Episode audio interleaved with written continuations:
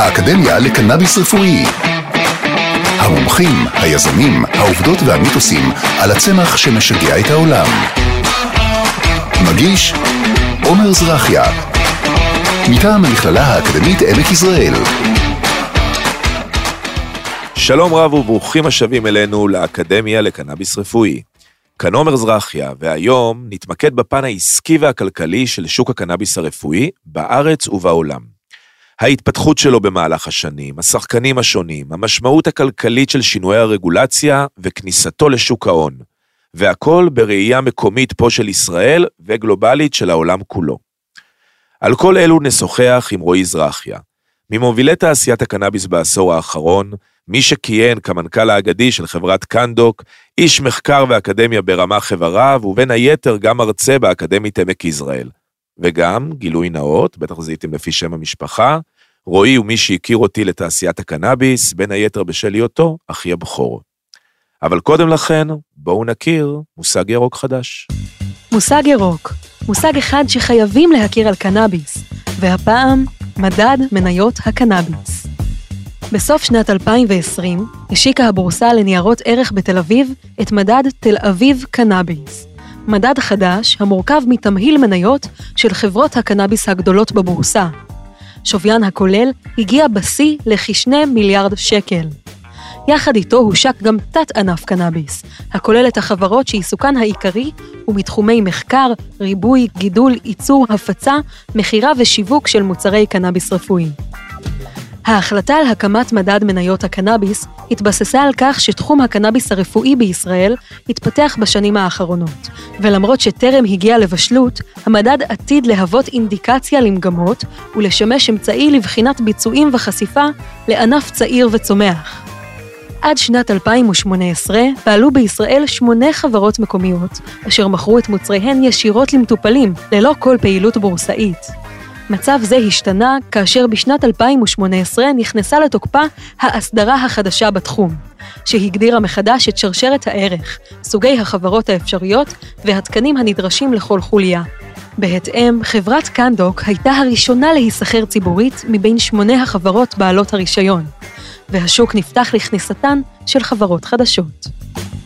עם כניסתה של ההסדרה החדשה לתוקפה וכינונן של חברות חדשות בתחום, החלו חברות הקנאביס להנפיק עצמן לציבור בבורסות השונות בעולם.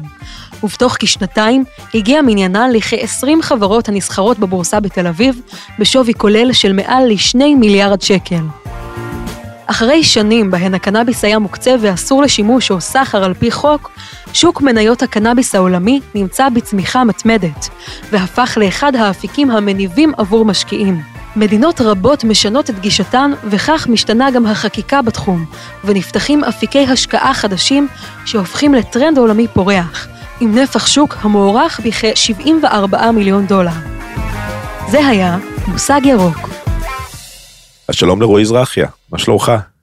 שלומי מצוין, ואתה? אני מצוין, תודה שהצטרפת אלינו היום. אמ, ובוא נתחיל מההתחלה. איך אדם שמגיע מעולם האקדמיה, מגיע לתחום הקנאביס? תשובה מאוד מאוד מורכבת, אבל בפועל די פשוטה. עניין. אם אני לוקח רגע כמה שנים אחורה, ואנחנו מדברים על מעל עשר שנים, תמיד ריתק אותי עולם החקלאות. כי בתפקידי באקדמיה, בתור אחד שלמד מדעים מדויקים, מאוד עניין אותי להביא את עולם הלואו-טק לעולם ההייטק. ובתהליך הזה חיפשתי עולמות תוכן שבהם אנחנו רואים שיש לנו פעילויות שההייטק או הטכנולוגיה או הדאטה עוד לא הגיע אליהם.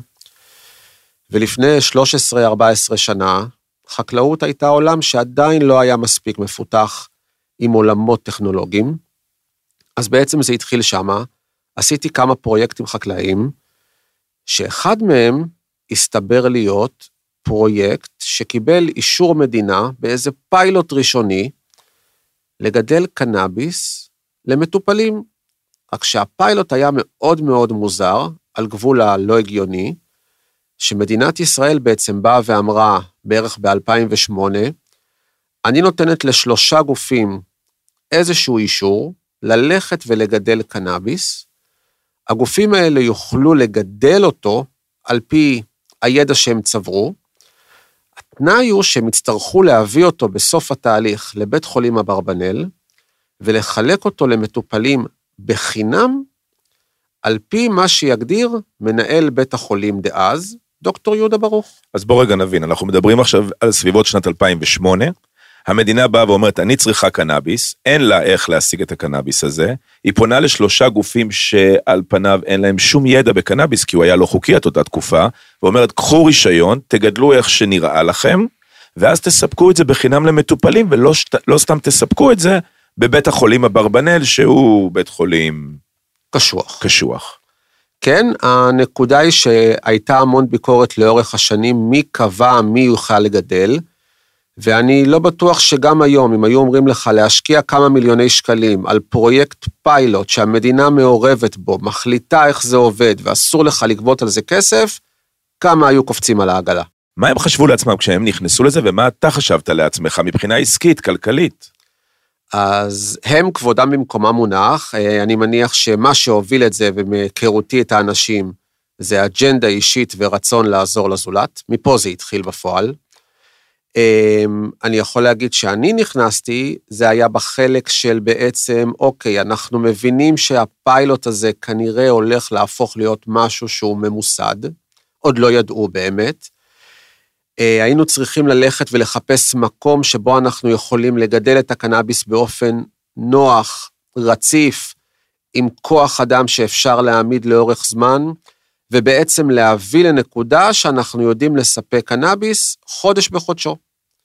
מה שאותי ריתק זה שעניין אותי מאוד להבין מה בעצם המקור של הקנאביס, או איזה מידע יש עליו, ובתור אחד שבא מהאקדמיה, אמרתי, מצוין, אני אלך לספרות המקצועית ובוא ננסה ללמוד טיפה.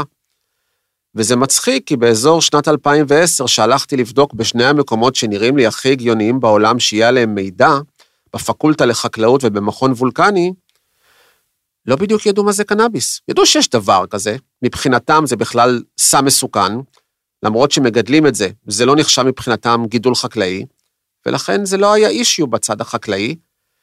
ואז הכניסה שלי הייתה אמורה להיות מושכלת, כי אמרתי לעצמי, או שיש כאן משהו לא נורמלי, שהגיוני שאף אחד לא חקר אותו, והוא יישאר ככה כל החיים, או שיש כאן איזשהו gap, שאם יבוא אליו שכל, עבודה קשה ומסירות, לאורך הזמן הוא יוכיח את עצמו.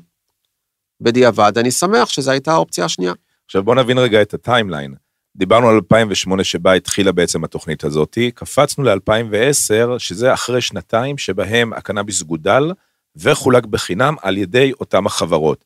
2010, אתה בעצם נכנס להיות מנכ"ל של אחת מכבר שמונה החברות, ופה זה נעצר. נכון. במקרה שלך חברת קנדוק, שהוקמה על ידי אה, נרי, שהוא אה, דמות אייקונית ב, אה, בתעשיית הקנאביס בארץ ובעולם, ואומרים לך, תקשיב, אנחנו מסכימים שתמכרו את הקנאביס למטופלים עכשיו, תקבלו על זה כסף, אבל האם זה כמו היום, זה תנאי שוק חופשי? אז קודם כל, ב-2010 עדיין רב הנסתר על הגלוי. חלוקת הקנאביס מתבצעת בבית חולים לחולי נפש, שהוא בית חולים של המדינה. הכניסה אליו מוגבלת, מאוד מורכבת, וההגדרות באותה תקופה של משרד הבריאות, אגב, בסוגריים, לא היה עוד דבר כזה שנקרא יקר. יקר רק נאמר, זה היחידה לקנאביס רפואי, יחידה ייעודית בתוך משרד הבריאות, שכל תפקידה לטפל בתחום הזה. שהוקמה ב-2013. אנחנו עדיין בעולם פרה-היקר, שבא ואומר, אתה תגדל את הקנאביס, אתה תביא אותו לבית חולים אברבנאל, יש כספת ייעודית, אתה יכול לשמור שם את החומר, המטופלים יגיעו לבית החולים, כל אחד לפי התאריך של הרישיון שלו, ויקבל את החומר, בצורה מאוד מאוד מסודרת לכאורה, אבל אם תשימו לב, המגדל הוא גם היצרן, הוא גם המשנע, והוא גם מי שמספק. הוא עושה את כל התהליך בשרשרת הערך. וכמה הוא מקבל? אז באותה תקופה, הקנאביס התחיל בפורמט של 360 שקל לחודש. זה היה מה שקרה ב-2008-2009. פעמיים חי. זה 20 פעם חי, אבל כן, זה היה הרעיון באמת. אחר כך, בגלל כל מיני שיקולי מע"מ ותלונות של המגדלים, הסכימו להעלות את זה ל-370 שקלים. ומ-2010 עד אפריל 2018, שמונה שנים, זה היה המחיר, ללא תלות בכמות שהמטופל קיבל. 20 גרם או 200 גרם, הוא היה משלם את אותם 370. זאת אומרת, אתה כמנכ"ל חברה, מצד אחד ידעת בדיוק כמה אתה הולך לקבל כל חודש מהמטופלים, כי לא משנה מה אה, הם היו צורכים, היית מקבל מכל מטופל את אותו המחיר 370 שקלים. מצד שני, אין לך באמת דרך לגדול כחברה, כי הכסף הוא קצת לא עומד בפרופורציה למה שמסופק. זה שוק מאוד מאוד לא משוקלל, שבו בעצם אתה אומר, לא משנה כמה אני מגדל, אני יודע שאני בסוף מוכר או מקבל תמורה כפונקציה של כמות המטופלים ולא כפונקציה של הכמות שמכרתי. בואו נקביל את זה לעולם שלנו. נכנסתי לסופרמרקט, אם אני קונה קוטג' אחד או 20 קוטג', אני משלם את אותו הדבר. מצד שני, הפרט הזה ברגולציה, הוא זה שאפשר בשנים הראשונות לישראל להפוך להיות מעצמת קנאביס, כי אני בתור מנכ"ל הייתי צריך לקום בבוקר ולהבין שזה המצב, ויש לי שתי אפשרויות, או להרים ידיים, או לחשוב איך להיות יותר יעיל, יותר חכם, יותר אפקטיבי, כדי לגרום לחברה להצליח לשחות מעל המים או טיפה לנשום אוויר, גם בתנאים המורכבים האלה. אז בואו נתקדם קדימה, 2010 עד 2018, אנחנו נמצאים באותה מסגרת שנקראת הסדרה ישנה, שזה המסגרת של ה-370 שקלים מצד אחד פר מטופל, ומצד שני, שהמגדל הוא כל הצד הקנ... אה, של הקנאביס, הוא מספק למטופל הכל. ואז אתה מגיע לשנת 2018. שנת 2018, שנה מאוד דרמטית בתעשיית הקנאביס, מה קרה שם? אז בואו ניקח רגע שנה-שנתיים אחורה כדי שנעשה סדר. יש בישראל שמונה חוות קנאביס שעושות את כל שרשרת הערך. מתחילה להיות פה בעצם תעשייה, כי בתקופה הזאת כבר היו סדר גודל של 20-25 אלף מטופלים לחודש. אני יכול להגיד לך, לפחות בצד של קנדוק, שנשיא החברה, נרי ברק, ואחת הבחורות שאני הכי מעריך, איריס דולב, שהיו בקנדוק, דאגו מהבוקר עד הערב, סביב השעון, להצליח להביא למטופלים את באמת החומרים שהם רצו, באור אי-הוודאות הקשה, ובערך ב-2017 התחלנו להבין שהשוק צועד לעבר עולם ה... נקרא לזה פארמה גרייד קנאביס. זה אומר, הקנאביס יסופק בבתי המרקחת תחת מרשם. הוא עדיין לא סופק, אבל ראיתם את זה עומד לקרות. היקר התחיל לתת לנו כיוון שזה הולך להיות המצב. חלק מאוד גדול מהמגדלים לא באמת האמינו שזה הולך להיות, ואני לא רוצה להגיד יצאו נגד הרגולציה, אבל לא בדיוק אימצו אותה. אנחנו הבנו פנימית, בגלל הכוח אדם שהיה, שזה העתיד, והתחלנו להתארגן לקראת היום הזה. זאת אומרת, כינסנו את הבורד, אמרנו לו, כדי שאנחנו נוכל לעמוד ביום שאחרי הכניסה לבתי המרקחת, זה כבר נקרא לזה משחק של גדולים, צריך להתחיל להתארגן. בזמנו, הצטרף לחברה עוד בן אדם שאני חושב שאתה מכיר, שמטרתו הייתה לקחת את היכולות שיש לנו ולהעצים אותם פי כמה מונים, על ידי שנצליח מצד אחד לגייס את כמות הכספים הנדרשת בצורה כלשהי, ומצד שני להפוך מלהיות חברה, לא רוצה לקרוא לה קטנה, אבל קטנה בשוק הנוכחי, לחברה עם מותג ולחברה עם פריסה בינלאומית. אז רק נגיד, באותה תקופה אה, החברה באמת קנדוק הייתה אחת משמונה החברות, הייתה חברה אחת גדולה, תיקון עולם דאז, ושאר החברות היו בערך פלוס מינוס אה, באותו ה-level. שנת 2018 בעצם מגיעה, היקר ומי שעומד בראשו, יובל לנדשפט, מודיע, אנחנו נכנסים בעצם להסדרה חדשה. אתה כמנכ"ל החברה, מה זה אומר מבחינתך? מה זה ההסדרה החדשה הזאת ואיך זה בכלל משפיע, אם בכלל, על קנדוק שעמדת בראשה? אז באפריל 2018 בעצם היה כנס מאוד גדול שהיקר ארגן פעם ראשונה, ואמר, החל מהיום קנאביס יכול להיות בבתי המרקחת, כפוף לשני פרמטרים. אחד, שרשרת הערך יוצאת מהמגדל והופכת להיות בעלת חמש חוליות, גנטיקה, גידול, מפעל, שינוע, ובסוף מכירה בבית המרקחת. ומצד שני, הסטנדרט שכל חוליה צריכה לעמוד בו, הופך להיות ברמה יותר גבוהה, מה שנקרא היום IMC, GAP, GMP וכדומה. זאת, זאת, זאת אומרת, בוא נבהיר, עד אותה נקודה, אתה עשית הכל. אתה סיפקת למטופל קנאביס משלב הגנטיקה. A to Z. A to Z. אליו הביתה היו מקרים, אני זוכר שהיה לנו עומס, נרי ואני היינו נוסעים באוטו למטופל הביתה להביא לו את האספקה החודשית. בא היקר ואומר, מעכשיו אני דורש שבשרשרת הזאת לא תהיה חברה אחת, אלא יהיו חמש חברות, חמש חוליות שונות. נכון. זה דרמטי. דרמטי מאוד, ובהתחלה גם לא הבנו האם חברה אחת יכולה להחזיק בכמה חוליות, איך זה יהיה, איך יעבוד המפעל, מה בסוף יהיה בבתי המרקחת, האם המטופלים יעברו, האם זה יישאר, כי הפיילוט שהתחיל ב-2018 בעצם אפשר לחיות בשני העולמות במקביל. זאת אומרת, הייתה הסדרה חדשה והסדרה ישנה במקביל. רק באפריל 2019 היקר בא ואמר, הפיילוט הצליח, המטופלים עוברים להסדרה החדשה, ולכן לא תהיה יותר אה, הסדרה ישנה, או ננסח את זה ככה, ההסדרה הישנה לא תמשיך לחיות ולאט לאט תגווע עם השנים. עד היום, יש עוד כמה מאות מטופלים בהסדרה הישנה, אבל אם אנחנו עומדים היום על 98 אלף חודש שעבר מטופלים חודשיים, תחשבו שזה בערך 99 אחוז שהם כבר בהסדרה החדשה. אז בוא, שזה קפיצת מדרגה אה, משוגעת, אם אנחנו נשווה למה שאמרת מקודם, אנחנו רואים איך בשנתיים האחרונות מספר המטופלים עלה באיזה 200 אחוז. Mm-hmm, זאת אומרת, בדיוק. קפיצה דרמטית. אבל אתה קפצת מ-2018 ל-2019, ומשהו אה, אה, אה, קרה באמצע.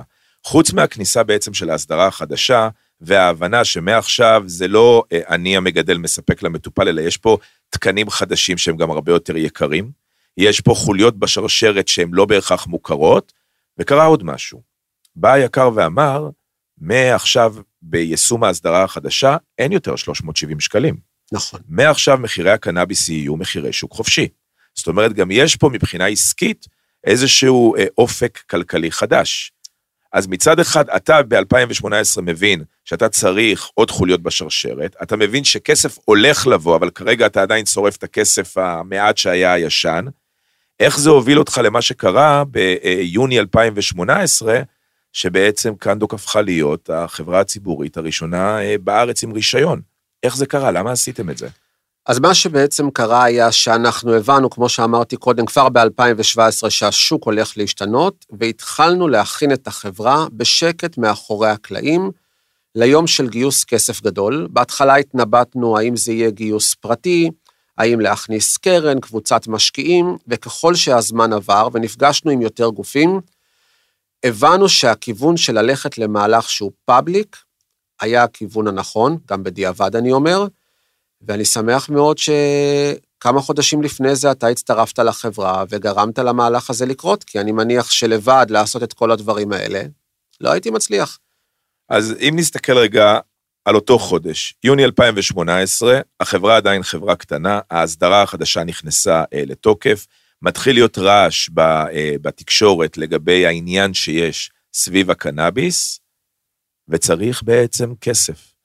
קנדוק יוצאת להנפקה אה, ביוני, מגייסת גם אה, אה, יו"ר חדש, את אה, אהוד, אהוד ברק, ואז אתה בעצם מגיע למצב שבו אתה מנכ"ל החברה, יש כרגע את הפאנז, יש כרגע את הכסף, מה עושים עכשיו? איך מסתכלים קדימה? עכשיו זה לא חוכמה להסתכל אחורה, אבל אז ב-2018, איך מסתכלים קדימה לאור ההסדרה החדשה הזאת? האם צפית שמספר המטופלים הולך להיות, אה, אה, לגדול בצורה דרמטית? מה היה לגבי הייצוא באותה התקופה? לגבי היבוא? אז הייתה חצי שנה קריטית באמת, גם לחברה, לקנדוק וגם לשוק הקנאביס, כי בין יוני 18 לינואר 2019, אני אמנה עכשיו כמה אירועים שקרו, שבשום תרחיש לא תיארתי שיקרו, או יותר נכון, הנחתי שהם יקרו בחמש שנים והם קרו בחצי שנה. אז קודם כל, הכניסה שלנו לבורסה לוותה, אני חושב, בכותרות בכל עיתון בארץ ובעולם, כי העובדה שחברת קנאביס ישראלית הצליחה לקבל את כל התקינה והרגולציה שהייתה פשוט מורכבת, שלא ניתן בכלל להכיל כמה זה היה קשה. מיד לאחר מכן הבנו שבאמת הציבור צמא להכניס תחום כזה לשורות הבורסה. הבנו שבשביל להיכנס לעולם הזה בכל הכוח ולהצליח גם להיות מחוץ למדינת ישראל, אנחנו נהיה חייבים שיהיה לידינו מישהו שייתן לגיטימציה למה שאנחנו עושים, שיאפשר לנו לדחוף חזק.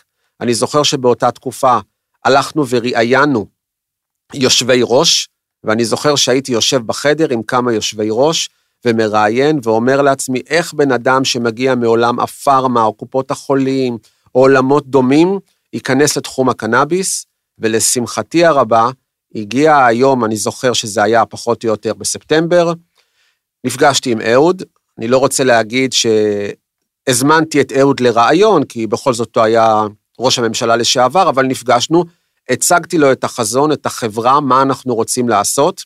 לקח לאהוד פחות מ-40 דקות להגיד את המשפט הבא. הבנתי, אני רואה את הפוטנציאל, זה הולך להיות שוק אדיר, אני בפנים. מדהים. ומאותו רגע אהוד הצטרף לאונייה בתור יו"ר פעיל, כשאני אומר יו"ר פעיל, זה עובד, לא 24/7, אבל עובד סביב השעון לפי דרישות החברה.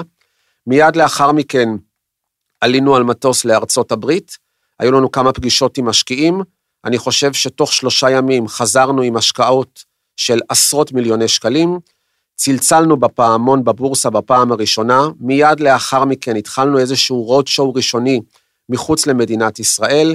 במקביל, כל עולם הפיתוח העסקי התחיל לצאת מישראל ולחפש שיתופי פעולה מחוץ לישראל, ואז הגיעה לנו בקשה ממש ממש מוזרה, אבל בדיעבד הייתה מדהימה והייתה די Game Changer. אהוד ואני קיבלנו הזמנה ל-World Economic Forum בדאבוס בשוויץ. שרק נגיד, זה הפורום הכלכלי המפורסם. ב... ביותר בעולם, כן. שבאו ואמרו, הבנו מה מתחיל להיות כאן, אנחנו רוצים את הסשן הראשון ב-World Economic Forum על קנאביס, שאתם תעבירו. כמובן שמגיעים לשם שועי עולם, נסיכים, מלכים, כל אנשי העסקים הגדולים ביותר, ואני זוכר שבאנו ואני העברתי הרצאה על תחום הקנאביס, מה קיים, לאן זה הולך ואיך ישראל תהיה על המפה. אהוד סיפר על למה בעצם קנאביס יכול להיות עתיד עולם הרפואה, ואני חושב שמאז בעצם התחיל שרשרת של פעולות בישראל, עוד חברות הצטרפו למהלכים הציבוריים, השוק המשיך לגדול, הממשלה התחילה לדחוף ולדבר כבר על הגדלת כושר הייצור, על כניסת שחקנים חדשים ועל ייצוא. אני זוכר שחזרנו מדאבוס באותו יום, הממשלה הודיעה שהיא אישרה את הייצוא מישראל.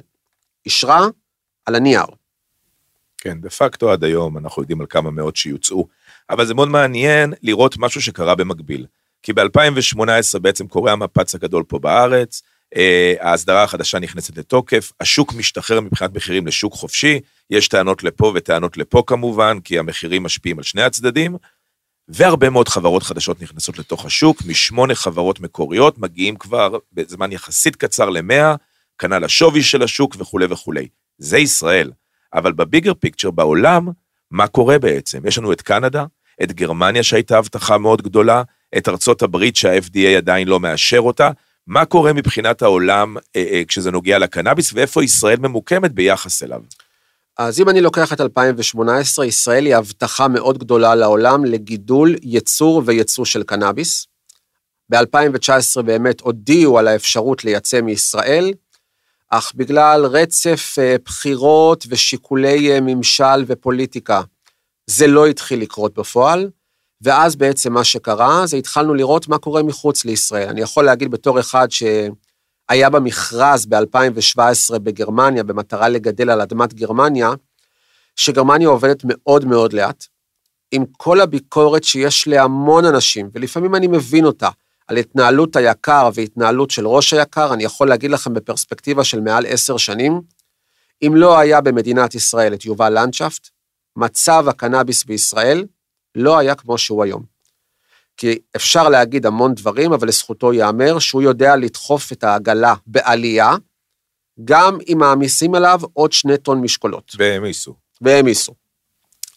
עכשיו בואו נסתכל רגע על גרמניה בשביל לתת פרספקטיבה מה קורה היום. ניקח את השנה האחרונה, שנת 2020, ישראל מייצרת בערך 12.5 טון, מייבאת פעם ראשונה 15 וחצי טון, זאת אומרת... בשנה הראשונה בשנה היבוא. הראשונה שנפתח היבוא, זאת אומרת שהצריכה בישראל בשנת 2020 הייתה סביב 28 טון. ישראל, סדר גודל של 9.3 מיליון אנשים. ניקח את גרמניה, מדינה טיפ-טיפה יותר גדולה, 83-84 מיליון, באותה שנה מספקת 9 ורבע טון למטופלים הגרמנים, שהחלוקה היא 0 גרם בייצור מקומי, ותשע ורבע טון שבעצם יובאו לגרמניה, בעיקר מהולנד וקנדה. אם אנחנו רגע עוברים למחצית הראשונה של 2021, בישראל, כמו שאמרנו, יש כבר, נכון לחודש שעבר, 98 אלף מטופלים.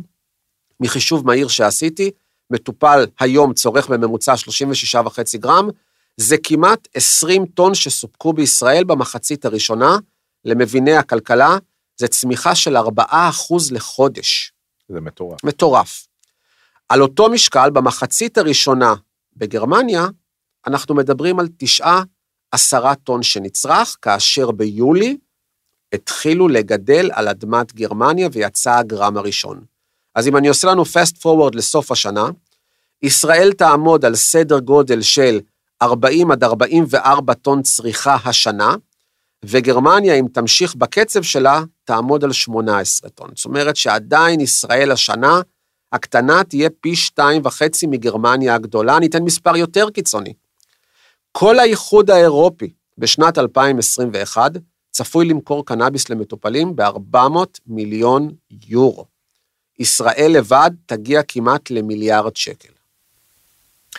אז ההשוואה היא השוואה מרתקת. אנחנו כן יכולים, או כן רואים, שאירופה כן צומחת, והיא כמובן תעקוף אותנו, אבל הקצבים מאוד מאוד שונים אה, אה, ממה שאנחנו חשבנו אה, במקור, וישראל לעומת זאת מתקדמת בקצב מאוד מאוד גבוה, וכמובן עוד לא הכנסנו פנימה את הלגליזציה ו-CBD וכולי וכולי. נכון.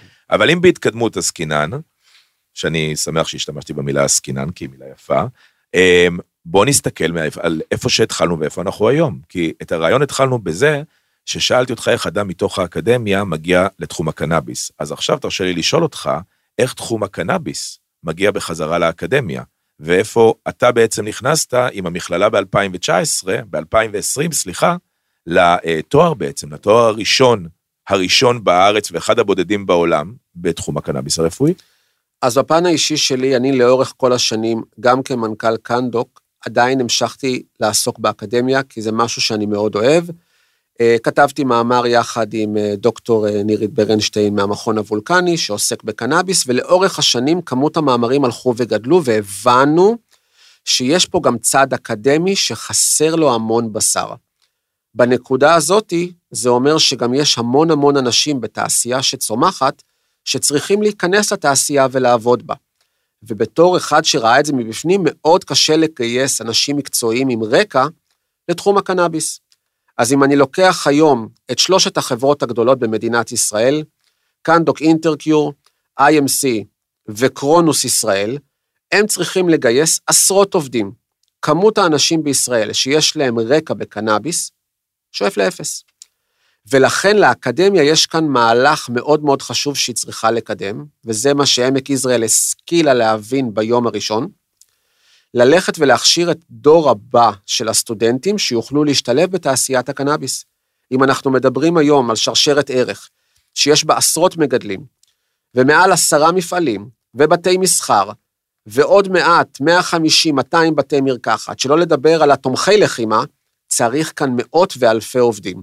ואם המכללה עכשיו, במהלך הזה, תוציא באמת כמו שאנחנו רוצים, עשרות סטודנטים כל שנה, יחטפו אותם ברגע הראשון שהם יצאו, כי החלופה השנייה היא להביא בן אדם שאין לו הכשרה, להכניס אותו לחברה ולעשות את כל העבודה לבד. מדהים. רועי, תודה רבה שהצטרפת אלינו היום, ושיהיה לכולנו בהצלחה. בהצלחה לנו ולסטודנטים. ועכשיו, קצת חומר למחשבה. כי עם העלייה בעניין ובשיח סביב הקנאביס נולדים לא מעט סיפורים ואיתם סימני שאלה. בפינה שלנו ננסה לעשות סדר בדברים, לבאר את שלל הסוגיות ולהבחין בין אמת לבין מיתוס. והיום נדבר על האם שוק הקנאביס הוא בעצם בועה. יותר מ-20 חברות ישראליות בתחום הקנאביס נסחרות היום בבורסות השונות בעולם, ומעוררות עניין רב בשוק ההון, בעיתונות הכלכלית ובקרב הציבור. שוויין המצרפי של חברות ציבוריות אלו, הפועלות באופן ישיר בתחום הקנאביס, עומד על למעלה משני מיליארד שקלים. סכום זה הוא כמעט בלתי נתפס, בהתחשב בעובדה שפעילותן הציבורית התחילה רק בסוף 2017. בזכות העניין שמייצר התחום, הבורסה לניירות ערך בישראל אפילו השיקה את מדע תל אביב קנאביס, המורכב ממניות של חברות הקנאביס המובילות בשוק. אז איך הפך תחום חדש יחסית בשוק ההון לאחד התוססים בו? יש שיגידו שהצמח עצמו, שמעורר עניין רב, הוא הסיבה המרכזית לכך. יש שאומרו שאלו בעצם הסלבים, ראשי ממשלה לשעבר ואנשי צבא ומשטרה, שהשתלבו בתפקידי מפתח בחברות השונות, ויש כאלו שיאמרו שפשוט מדובר בבועה.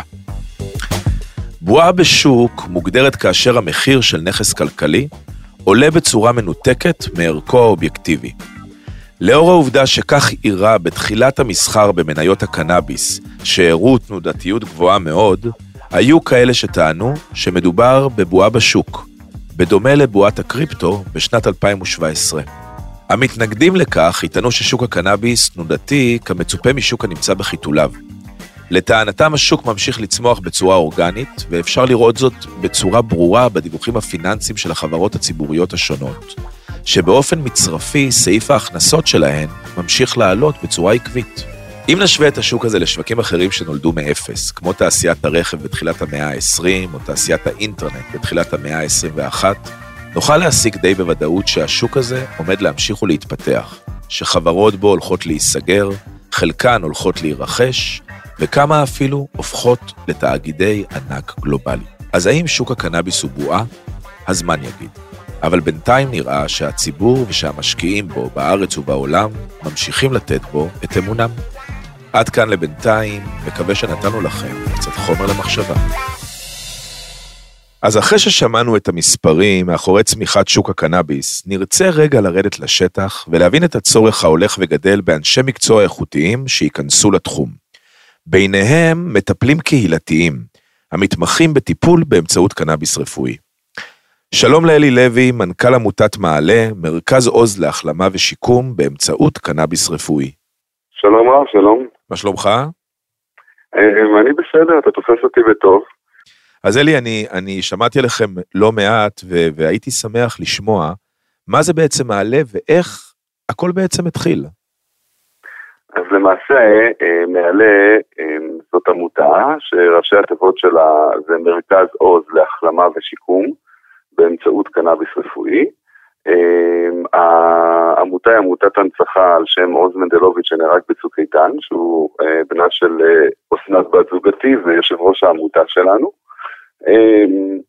אחרי שעוז נהרג, אסנת ואני החלטנו שאנחנו רוצים, יותר נוח לנו להיות בצד, ה, ה, אתה יודע, איפה שההנצחה ו, ואיפה שאנחנו עוסקים בנתינה על שמו, ובעצם במקום הזה אנחנו אה, זוכים, אה, אתה יודע, לסיפוק עצמי ולחוות ול, ולחיות את העולם של עוז, גם כשהוא לא כאן. וככה עשינו כמה מיזמים, שבעצם המטרה היא שזה לא יסתיים שם בשדה הקרב. בעצם עוז אה, נהרג מוות מאוד הירואי תוך כדי שהוא מגן על החברים שלו עם מאג, הוא היה מגיסט בפלחן גולני. ואנחנו uh, חשבנו שזה יהיה נכון לא, לא לסיים את זה שם, אלא להמשיך את זה בעוד עשייה חברתית בהנצחה ובשם שלו. מדהים. אז אחרי שעשינו המון המון מיזמים קטנים, ומימנו כמובן את כולם, הרגשנו שאנחנו כבר לא יכולים uh, uh, לשאת בזה, וגם שהערך הוא ממש uh, uh, מדהים נקודתית, אבל באיזשהו שלב uh, זה מתפוגג. ורצינו לעשות משהו שהוא קצת יותר משמעותי. אסנת פנתה לעמותת אה, נט"ל דרך אה, בני גנץ, אה, שבזמנו היה יושב ראש העמותה, ויצרה איזשהו מפגש של הורים להלומי קרב, של אימהות להלומי קרב, מהרצון הזה של בעצם לייצר שיח אימהות, להבין למה לא מצליחים להביא את הבנים לשיקום. בכל זאת, אחרי צוק איתן אנחנו יודעים שהיו לנו המון נפגעי הלם קרב נכון. הרבה חבר'ה צעירים וגם נכים שנפגעו פיזית. אמ, והשיח שנוצר היה שצריך להציל את הבנים מהסמים, שכל הבנים, כל הם מעשנים, וזה רק מה שהם עושים, אחד זרוק בסרי לנקה, אחד זרוק פה, אחד זרוק שם, כל אחד במקום אחר. ועלה הצורך הזה בעצם אה, לייצר איזשהו מנגנון של, אה, של אה, הגנה עליהם מה, מהצמח הזה, מה, מה, מהמקום הנורא הזה שהם הגיעו אליו. תסביר לי רק איך אתם הגעתם בעצם מהמצב של, ה, של הפוסט-טראומה, המפגש עם בני גנץ, אל המקום של, אה, אה, שיש פה בעיה של סמים. זאת אומרת שאותם פוסט-טראומטיים, יש להם בעיה של סמים. שנוצר, המפגש שנוצר עם האימהות בעצם, היה במטרה לנסות לה, להבין מהן מה הקושי ואיך מביאים את הבנים לטיפול. אתה מבין? כאילו נוצר איזושהי סיטואציה שמצד אחד הקנאביס מאוד עוזר להם לפוסט-טראומה, מצד שני הם לא משתקמים. שזה לא מעניין, כי לא מה, ש... מה שאתה בעצם אומר זה שהם משתמשים בצמח, אבל אין להם את הליווי התרפיוטי. זאת אומרת, האפקט של הצמח עובד על הגוף, אבל בלי הליווי, בלי ההכוונה, בלי הטיפול הצמוד, הוא קצת הולך לאיבוד בתוך התחושות האלו. כן, אם למעשה אנחנו מנסים להפריד את, הק... את הנושא של קנאביס רפואי במערכת התרפויטי, ואנחנו מנסים לחשוב איך אנחנו בעצם נותנים מענה ל... ל... לטיפול בקנאביס, אז אני חושב שזה צריך להיות מענה שהוא נותן אה, מענה מקיף של ביו, סוציו ו... אה, ופסיכו, וזה מה שאני מנסה גם לכוון אה, גם לצוותים שלי. החבר'ה שעובדים בעמותה, אז יש לנו עובדת סוציאלית ויש לנו פסיכיאטרית, ואנחנו באמת מנסים לעשות מפגשים ולייצר המון, יש לנו הרבה חבר'ה שהצליחו להגיע לתוצאות שיקומיות מדהימות ב- ב- בעקבות הסיוע שלנו וההכוונה שלנו גם לעוד מסגרות, לא רק למסגרת שלנו, עוד מסגרות שהן תומכות. אה, אבל מה הייתה. מה הייתה בעצם הנקודה שבה אתה הבנת, שבה אתם הבנתם את הצורך בחיבור הזה? זאת אומרת שמצד אחד קנאביס מסייע לאותה, לאותה אוכלוסייה, ומצד שני כן יש צורך בהכוונה הזאת. איפה נפל האסימון? או מתי? אז תקשיב, אז פה נכנס במקביל לתוך כל זה איזשהו סיפור אישי קטן שלי, אוקיי? וזה סיפור מאוד מעניין. בעקבות כל הטררם הזה סביב הקנאביס, אני לא בא מעולם הקנאביס, זאת ואני עסקנו שנים בייצוא אסטרטגי לעסקים, ובכלל זה לא היה העולם שלנו ולא באנו משם. ויום אחד היינו בכנס הורים שכולים במלון דן בתל אביב, והייתה שם אחת האימהות ששלפה סיגר. עכשיו, בגלל שכבר הייתי בתוך כל השיח הזה וזה, אז שאלתי אותה מה זה, זה כנס הורים שכולים, הורים סטלנים. אז אמרה לי, למה אתה אומר ככה? אתה לא יודע כמה זה עוזר לי, ורק אני עוברת את כל החצי שנה האחרונה רק בזכות זה וזה, ושתדע לך שכל הכאבים שלי בגוף שנהיו לי אחרי זה, והחוסר שינה, והאזהרות בלילה, והעצבים, והתזונה, והכל הסתדר לי מאז שהתחלתי עם הקנאביס, ואז אסנת מסתכלת עליי, הבת זוג שלי, ואמרת לי, "אתה- רואה? וכל הדברים שלך שאתה סובל מהם, אולי תנסה. אז אמרתי. את יודעת מה, בשביל מה שנקרא בשביל המדע, ולקחתי שאיפה, הרגשתי סחרור, לא היה לי טוב מזה, אז עליתי למעלה למיטה. נשכבתי על המיטה כשהרגליים שלי עוד על הרצפה, שתבין, שחצי שוכב כזה, ונרדמתי. באותו רגע ישנתי, זה היה בערך שש אחרי צהריים, עד למחרת בתשע בבוקר, זו הייתה השינה הרציפה הראשונה שלי מאז שעוזי נהרג. וואו. ואני אדבר איתך שישנתי אולי חצי שעה פה, 20 דקות שם, שעה כאן, שעתיים כאן, לא יותר מזה. פתאום הייתה לי שינה רציפה, קמתי, היה לי ממש טוב בגוף, והיה לי ממש טוב, והרגשתי והבנתי שיש פה משהו. ואז בעצם התהפכה הזה, והבנתי גם למה אנשים כל כך מתחברים לזה. כי פתאום אתה מוצא את עצמך, פתאום אתה חוזר להיות אתה באיזשהו פרק זמן קטן, ואתה אומר לעצמך, וואו, זה אני מלפני הטראומה, ככה הייתי בעצם. בתחושות, ברגשות. זה עדיין אבל לא מביא אותך למקום של מעבר. ואת זה אני למדתי בהמשך.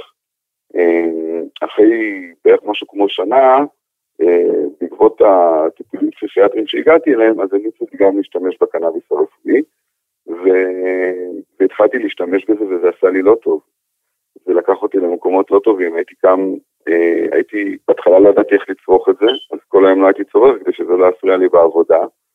ורק בשעות הערב, אז לאורך כל היום הייתי עצבני. ואני לא מבין את זה, אני רק מבין שאני עצבני וחסר סבלנות ויורה על כל מי שזז, ושורב גשרים ו- וגשרים, מה שנקרא. אחרי עוד חודש נוסף כזה, זרקתי את כל השקיות שהיו לי לפח, ואמרתי לאוזנת, תקשיבי, אני מבין עכשיו מה הבעיה של כולם, ואני מבין את הבעיה. אבל לא, ואני אני לא רוצה, רוצה להיות אבל. אבל אלי, אני רוצה רגע לקחת את זה כן למקום שאתה אומר, כי יש פה עוד נקודה, והיא גם מכבדת אותנו בחזרה למעלה, שזה באמת הנקודה של הליווי. זאת אומרת, צריך כן להבין, ואנחנו מדברים על זה הרבה לאורך הפודקאסט, שהקנאביס הוא, הוא, הוא איזשהו אלמנט מאוד פרסונלי. זן אחד ישפיע בצורה מסוימת על בן אדם מסוים, ובצורה אחרת על בן אדם אחר. ויש משהו נורא משמעותי בליווי שבא יחד עם הצמח, כדי באמת להתאים את ה, אה, גם את הזן, אבל גם את הטיפול לאותו מטופל.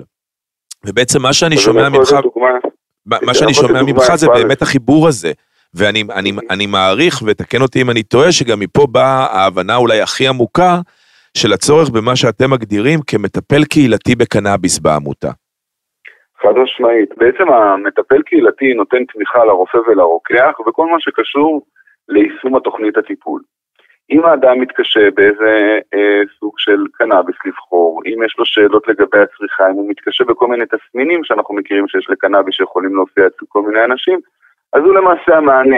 אנחנו נותנים מענה, אה, משתדלים לתת מענה לרוב המטופלים שלנו כ-24 שעות ביממה, כל פעם מישהו אחר נשאר במשמרת, ולמעשה אנחנו אה, מאפשרים למטופלים שלנו אה, להכיר את הטיפול ולהתאים אותו לסגנון החיים שלהם, אם זה מבחינת התזונה, אם זה מבחינת התעסוקה, החברה, המשפחה. יש משמעות מאוד uh, לשיתוף הפעולה במשפחה, וגם כמובן לתת כלים איך אני חושף את זה בפני המשפחה שלי, הילדים שלי, אם אני אמור לחשוף את זה, אם אני אמור להסביר את זה. שזה הנקודה המעניינת, כי בעצם בציר הזה של בין מטופל לרופא לרוקח, אז הרופא הוא זה שנותן לך את המרשם, הרוקח מספק לך בעצם את הקנאביס, אבל בין לבין אין מי שילווה אותך חוץ מהמשפחה, והמשפחה לא מוכשרת באמת לעולם הזה שנקרא עולם הקנאביס, יכולה לסייע או יכולה לפגוע, ואתם בעמותת מעלה בעצם מכשירים את אותו גורם אמצע. את אותו אה, מלווה, את אותו מה שאתם מגדירים כמטפל קהילתי בקנאביס, ששומר על קשר עם המטופל, ובעצם דואג שהוא אה, בכל רגע נתון נמצא בנקודה הנכונה בשלב הטיפולי, אם צריך להחליף זן וללכת לרופא ולבקש, בין אם זה פרופיל קנבינואידי או בין אם זה לקיחת זן אחר, שם בתווך הזה אתם בעצם נמצאים, שזה... מדהים, שזה מדהים. זה מדויק, רק אני חייב לציין דבר אחד. לצד הדבר הנפלא הזה שאנחנו... באמת שהצוות שלנו עושה והתמיכה הנפלאה הזאת, הרבה פעמים אנחנו נתקלים בסיטואציות שהמטופלים עצמם לא מבינים את הערך של הליווי הנוסף הזה ולא מנצלים אותו. אנחנו צריכים להיחזר אחריהם ולהסביר להם, שאנחנו רוצים לשמור עליהם, זה התפקיד כן. שלקחנו על עצמנו, החברתי. אבל בוא נסתכל שנייה על מה שאתה אומר במובן המספרי. אנחנו נמצאים בשוק היום שהוא סביב ה-100 אלף מטופלים כל חודש, מעלה היום אה, בעצם מה המספרים שלה? כמה מטפלים ישנם ואיך הפריסה שלה בארץ? לנו יש uh, קרוב ל-22 מטפלים. אה, שעברו הכשרה מלאה אצלכם במסגרת התוכנית שאתם עושים. כן. מדהים. תשמע, אני אגיד לך אנחנו... שמהצד, שמהצד uh, שלנו, כמי שנמצא הרבה שנים בתחום, אז הפיתוח של הנישה הזאת, של הליווי, של ה... הנישה הטיפולית באמת, לצד המטופלים, זה, זה, זה מצווה גדולה וזה דבר שחייב באמת לעשות, ואני ממש שמח שהרמתם את, ה, את הפרויקט הזה. גם מה שאני שומע מהפורום, מהפורומים השונים, אני ממש מרגיש שהצורך הזה בקרב המטופלים עולה, ובאמת כל הכבוד על הפרויקט, ואני באמת מאחל אה, אה, לנו ובכלל אה, לציבור המטופלים בארץ, שהשימוש בקנאביס יחד עם ה... ההיצע הגדול שהולך וגדל וכמות המטופלים שהולכת וגדלה, ייעשה, כמו שאנחנו רואים היום, בין היתר באמצעותכם, יותר ויותר מושכל ויותר ויותר מוכוון אה, טיפול. אז, אה, אז באמת תודה וכל הכבוד, אלי. תודה לכם על החשיפה ועל ההתעניינות. ביי ביי. אז עד כאן להפעם. תודה שהאזנתם ותודה לאורחים המרתקים שהיו איתנו היום באקדמיה לקנאביס רפואי. תוכלו למצוא את הפודקאסט שלנו בכל הפלטפורמות המובילות, בספוטיפיי, באפל פודקאסט, בגוגל פודקאסט ועוד. נתראה שוב בפרק הבא.